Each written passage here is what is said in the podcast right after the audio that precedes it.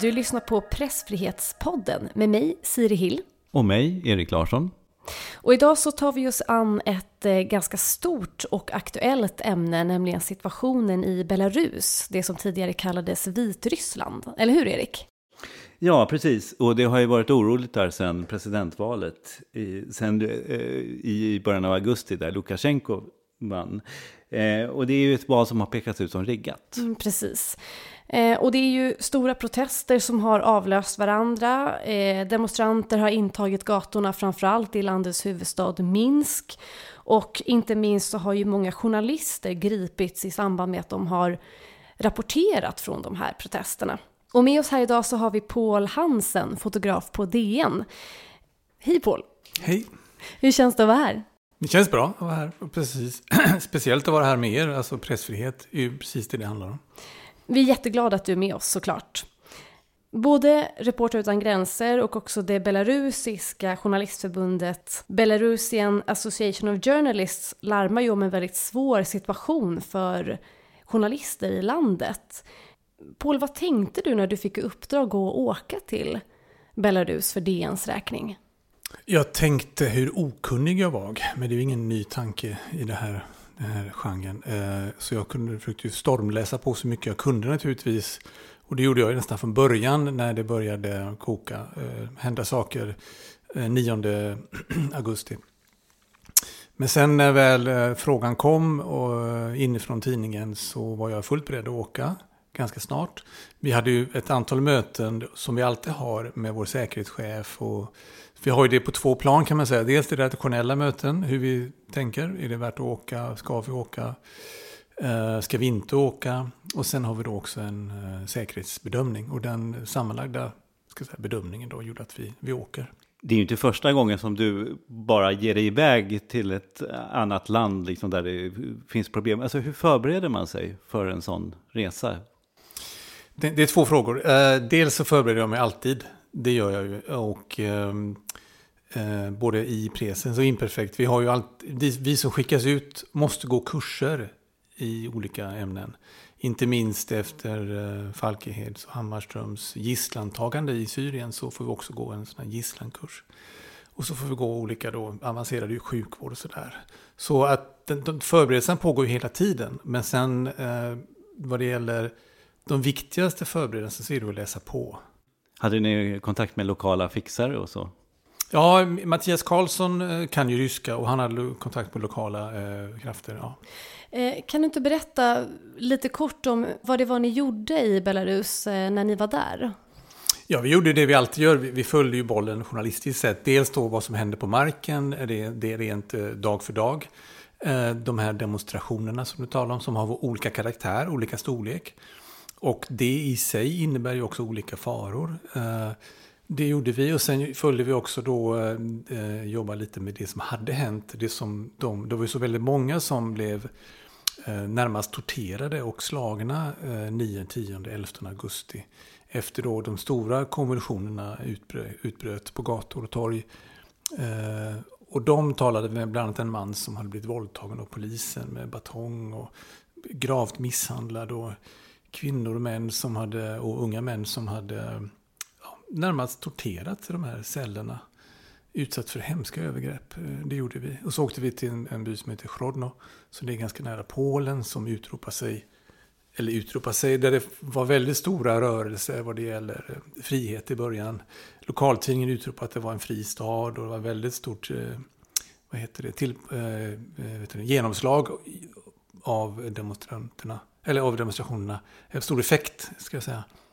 Till och med polisen bad om ursäkt, släppte de som var fängslade och lovade att tillhandahålla ljudutrustning till nästa demonstration. Mm. Något som de har backat på alla punkter nu. Lukasjenko var där eh, dagen efter vi åkte därifrån, jag och, eh, och Mattias. Han har kallat platsen, eller staden, för en av de mest besvärligaste och mest opolitliga platserna i hela Belarus.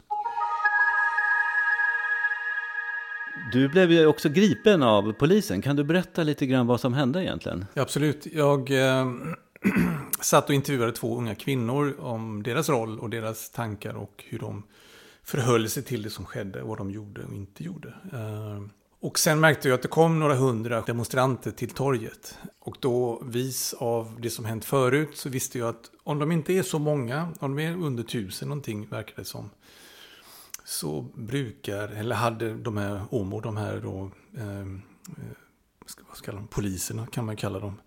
Jag ser dem som någonting annat faktiskt, men de här Lukasjenkos högra arm på gator och torg. Det är specialpolisen Specialpoliser, ja. De kallas ju inte poliser egentligen, men hans väpnade gren på gatorna, de eh, har en tendens då, märkte jag, att slå till när de är få. Och det gjorde de också, men då hade jag gått därifrån, för jag visste att de kanske skulle göra det. Eh, och så gick jag till hotellet, satte mig, beställde en Coca-Cola och satt och drack där. Och så blev det väldigt mycket folk som samlades framför hotellet, så jag såg inte vad som skedde. Mm. Så jag gick bara ut på trappan och tittade, och då tog de mig. Ja, så fort du kom, kom ut på hotellet? Absolut, ja. Civila poliser då. Så jag tror att de hade sett mig innan då. Mm. Du var ju där i tio dagar innan dess. Mm. Eh, hade du känslan av att du var bevakad eller att de följde efter dig på något sätt? Eller? Nej, det hade jag inte. Men å andra sidan, det ska man väl inte ha heller. Eh, vi var väldigt medvetna om säkerhetsfrågor, jag och Mattias. Vi var riktigt, eh, ja, som det visade sig då, nojiga på det, av, av olika skäl. Eh, vi eh, rörde oss på ett visst sätt och vi var inte kvar på samma ställen allt för länge och sådär. För det var ju väldigt känsliga frågor som vi rapporterade hem om.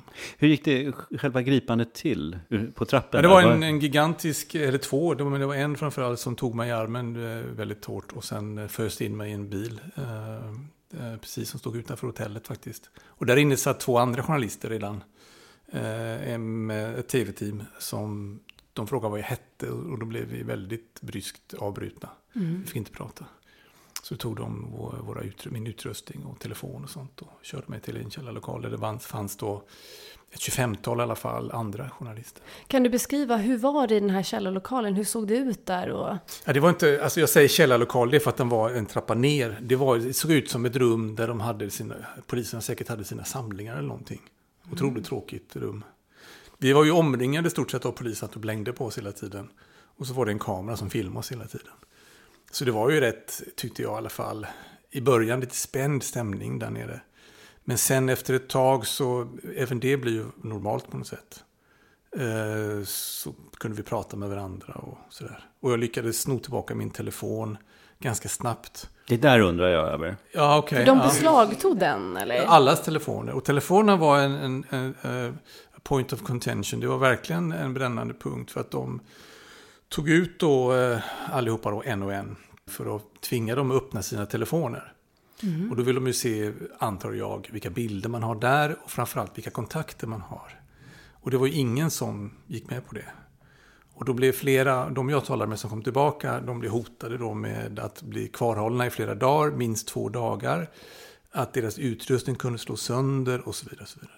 Men när du tog tillbaka din telefon, smusslade du undan den efter du hade fått den? Eller hur jag gick det till? Hur, ja. hur, tar man tillbaka sin telefon ja, från belarusisk ett, polis? Det, kan du lära ut journaliststudenter? Här det var ett, Tips och ja, tricks.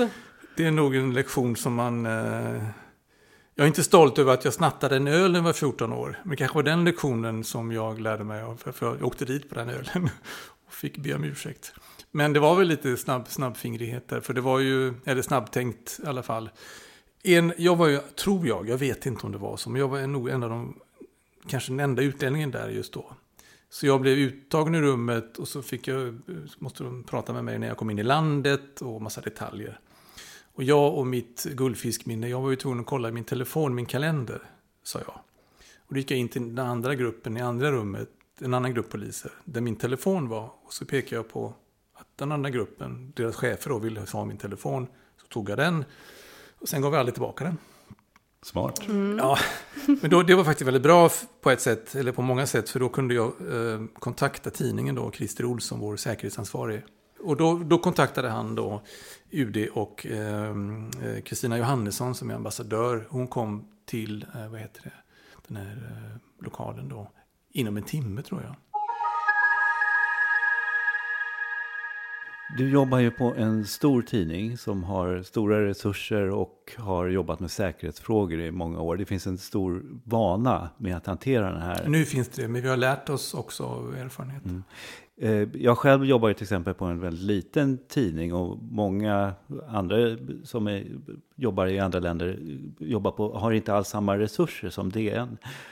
Hur tycker du att man som journalist, om man åker ut på ett sånt här uppdrag, ska tänka? Liksom? Ska folk som jobbar på mindre tidningar, ska man åka eller inte? Hur, hur tänker du kring det där? Alltså, jag tror inte det här, när, om man ska uttrycka sig på ren svenska, när bajset träffar fläkten, då är det väldigt bra att ha uh, en stor tidning bakom sig. För det ger ju tyngd och jag tror ju, nu vet jag ju inte hur han Linde och UD och Kristina Johannesson och de här uh, aktörerna tänker. Men de prioriterar säkert inköpsposten lika stort som DN, det tror jag. Absolut, är det pressfrihet stavas, stavas ju med, med stora bokstäver, inte med små bokstäver. Så jag tror inte det är det som är det, det som särskiljande, utan det är som du kanske säger också vana. För vi åker ju ofta på sådana här uppdrag där det är eh, komplexa skeenden, där det inte alltid är lätt att ta sig fram. Och de som vi ska rapportera om inte alls är intresserade av att vi ska rapportera om dem. Mm. Och då skapas den här säga, konfliktytan kanske, eller så här ytan med friktion mellan oss och dem vi ska rapportera om. Och där kan det hända saker. Men det viktigaste tror jag är att nätverka. Att det finns, som när jag var nere nu, jag var nere ensam några dagar, men jag var ju inte ensam, jag jobbar ju med lokala kollegor. Du ska inte alltid ha ryggen, in, ha ryggen täckt med någon annan. Så att någon på plats vet var du är, någon på plats vet när du kommer tillbaka. Du ska alltid ha telefonlistan med dig. Etc, etc. Och de människorna som, du, som vi då lite slarvigt ibland kallar för fixare, som är själva förutsättningen ibland i vissa lägen för vårt jobb de är ovärderliga ur en säkerhetssynpunkt. För han eller hon eller hen är ju den personen som måste göra första bedömningen för oss. Den här folksamlingen, hur agerar den? Vad säger de? Vad är det mellan raderna? Är checkpointen okej? Okay? Vilket tillstånd behöver vi? Behöver vi det tillståndet? Är det tvärtom farligt att ha ett tillstånd just nu? Alltså alla de här små, små, små mikrobesluten som man hela tiden tar i steget. Det är det som är säkerhet. Det måste ju verkligen vara att man litar på de personerna till liksom 100 procent. Ja, men de, absolut. Och, och, det är ju någonting, att den här, den här listan med fixare vi har, om man får kalla dem lite snarvigt för det, den är guld värd. Verkligen de som vi jobbar med har ju ofta jobbat med Sveriges Radio, kanske SVT. Så när det händer saker och ting, då är man väldigt snabb på att ringa Samir i Gaza. För alla vill ha Samir i Gaza. Mm. han är så otroligt bra och så, så vad heter det, säkerhetsmedveten själv. Mm. Det man inte vill ha, det är människor som är för idealistiska, för aktivistiska. Man vill inte ha människor som vill tjäna, bara tjäna pengar. Man vill ha människor som har patos, som har ett ideal, men inte för mycket. Så, så det, det, är en väldigt svår balansgång. Det är oftast studenter, det är oftast lärare, det är oftast akademiker. Och det är oftast journalister som hjälper oss. Mm. Jag, jag, tänkte på en sak. Eh, du berättade att det var ett 20-tal andra journalister i det där rummet. Eh, och de var lokala, som du sa. Mm, men de jobbar också för ut, ut, utländska medier. Och många av dem har ju blivit av med sina akkrediteringar nu. BBC okay. och vissa andra. Okay. De lokala, ja. inte utlänningen ännu. Ja, jag förstår. För det var en sak som jag tänkte på. Är det så att belarusisk säkerhetspolis är liksom hårdare mot lokala journalister än mot dig som en utländsk journalist i en sån situation? I det här fallet så var det mitt intryck, ja. Men om det har med att eh, Ann Linde, utrikesministern personligen och Kristina Johannesson där nere då på plats agerade så fort, det vet jag inte. Men jag tror att det blev väldigt besvärligt med mig för dem. Det är min tolkning. Så de, jag, de, men de var korrekta mot alla. Men eh, alltså när jag, i rummet där jag satt. Men när de kom tillbaka så hade de ju hotat dem. Mm. Och när man blir gripen och har att göra med en polismakt som då kan trä på en kondom och våldta en man i en polisbuss. Liksom, och slå sönder, honom sönder och samman. Det är ju samma poliser. Vet du vad som hände med de andra journalisterna där i rummet? Jag vet att många släpptes ju. Många blev av med sina akkrediteringar eller kan, och kan inte jobba.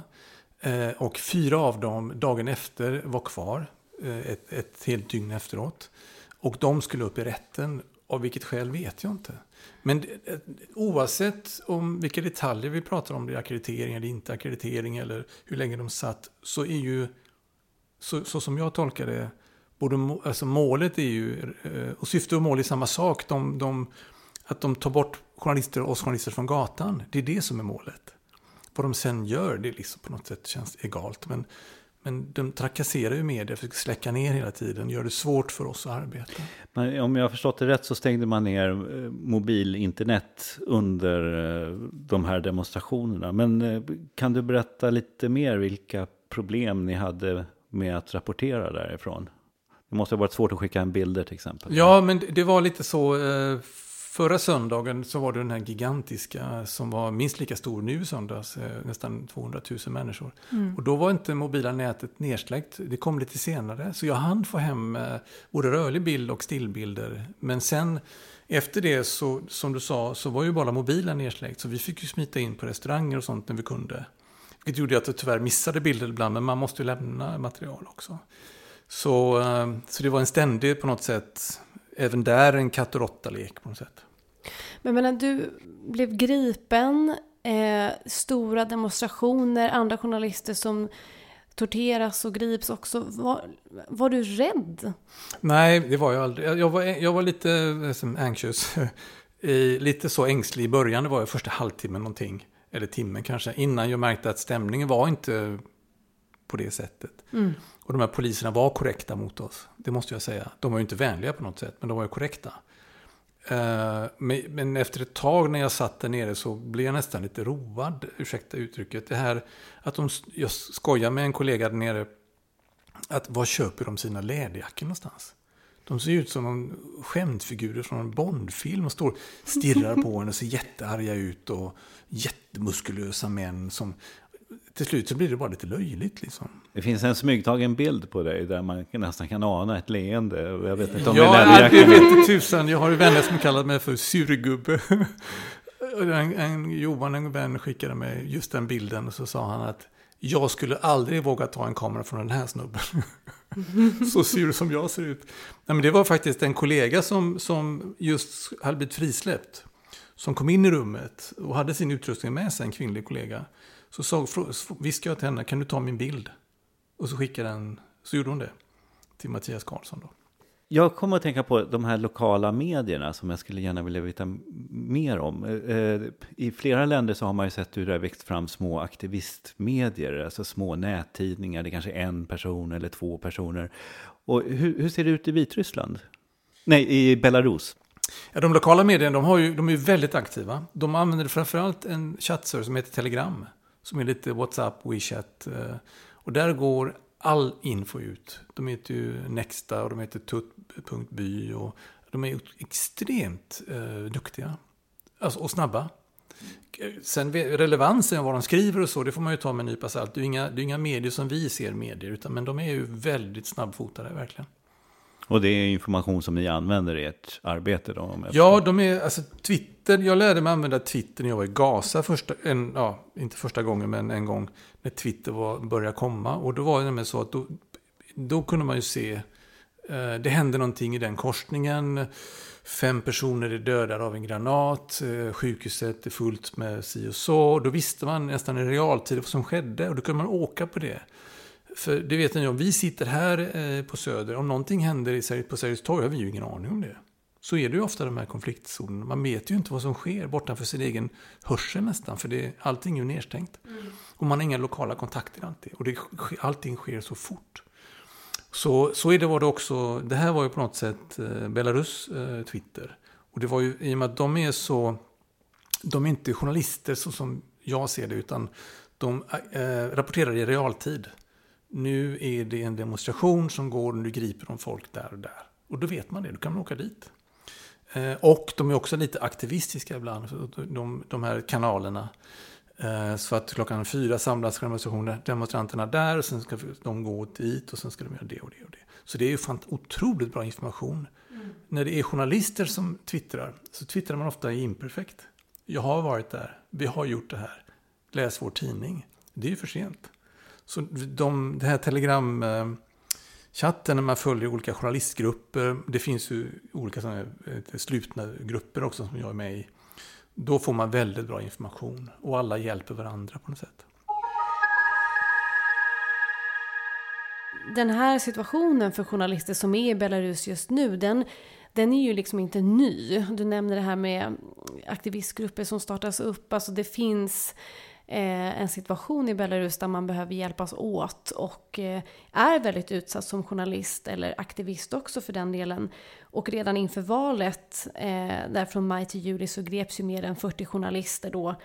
Både lokala och internationella medier hindrades från att bevaka oppositionens valkampanjer och sådär. Mm. Eh, alltså hur är det att rapportera som journalist i ett sånt medieklimat? Jag var ju där så begränsad tid och gjorde så eh, ska vi säga, specifika berättelser ibland. Vi följde ju valens skede, som sagt, vissa demonstrationer. Som sen, gjorde, sen gjorde vi lite fördjupningar och det var lite ett annat sätt att jobba på.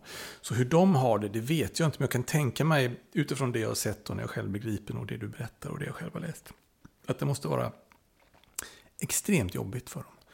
Uh, och det är lite, men det är lite som om man ska jämföra det med datavärlden, lite VPN-tunnlar. De måste hela tiden skapa på något sätt nya vägar att rapportera om och mm. hitta den där vägen förbi eh, kravallpoliserna, censuren, avstängningen av, av, sin sajt och så vidare. Och så vidare. Och det tycker jag att de lyckas väldigt bra med. Det är, det är en katt och råtta-lek. Det är lite som Aftonbladet gjorde på 1700-talet. Eh, Bytte namn hela tiden för att på något sätt lyckas ge ut sin tidning. Just det. Eh, så det, det, är lite så de jobbar hela tiden. De, och det som jag är otroligt imponerad av deras mod, lokala journalister. Eh, när vi satt där nere i källaren, eller källarlokalen, så ropar en av polischeferna ut eh, frågan om det var någon statlig media som var gripen och satt i rummet. Och alla började hånskratta. Det är ju ingen statlig media som blir gripen. Det var ju liksom bara en löjlig fråga han ställde för sakens skull. På sätt. Och de skrattade honom rakt upp i ansiktet. Och liksom och skämtade med honom. Sådär. Så det, och de här kvinnorna som jag pratade om förut, de här två kvinnorna som var intervjuade på torget. Eh, jag märker att jag, jag bevakar också eh, eh, Milosevics fall i Serbien. Eh, Otpor, den här studentrörelsen var stor. Och de jobbade precis, eller jobbar och jobbar, agerar precis som de gör i Belarus nu. Mycket med humor, mycket med att de här kvinnorna klär sig i vitt och använder sin, eh, sin perceptiva svaghet till en styrka istället. För en machoman slår inte en kvinna, speciellt inte om hon är klädd i vitt, står med en blomma i handen. Då blir de lite oantastliga eh, på något sätt för de här stora svartklädda männen med sina batonger.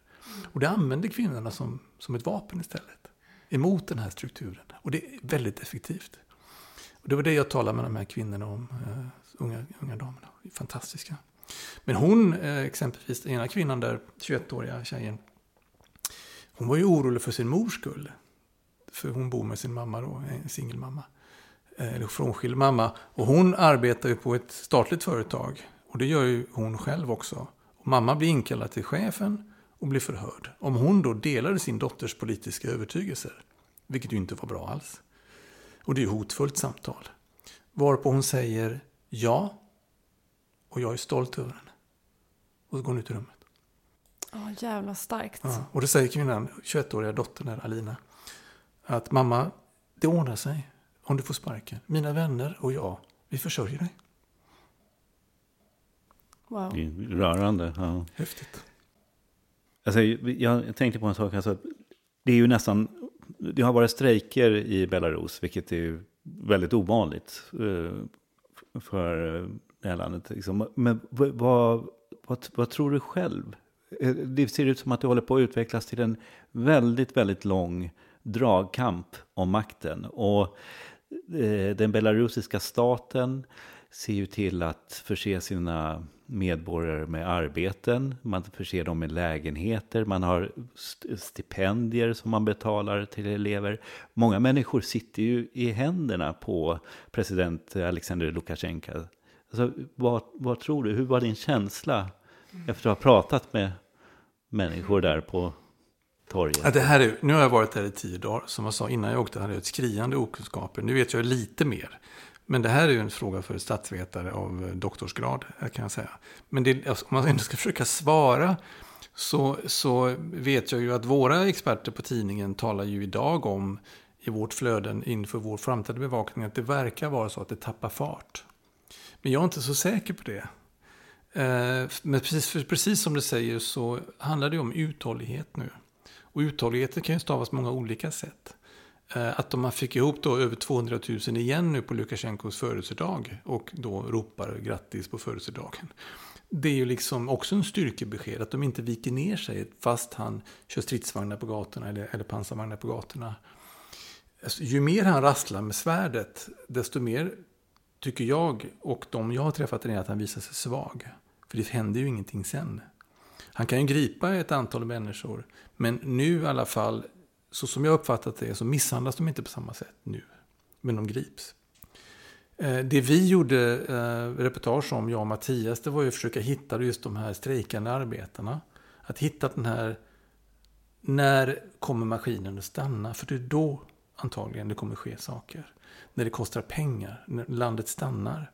För så länge maskinen fortsätter, folk kan gå till jobbet, då på något sätt så är det ju liksom en, en, en övning för kanske i viss mån unga progressiva människor på gatorna i huvudstaden. Jag tror ju att de här demonstrationerna måste vara som de är nu, fredliga.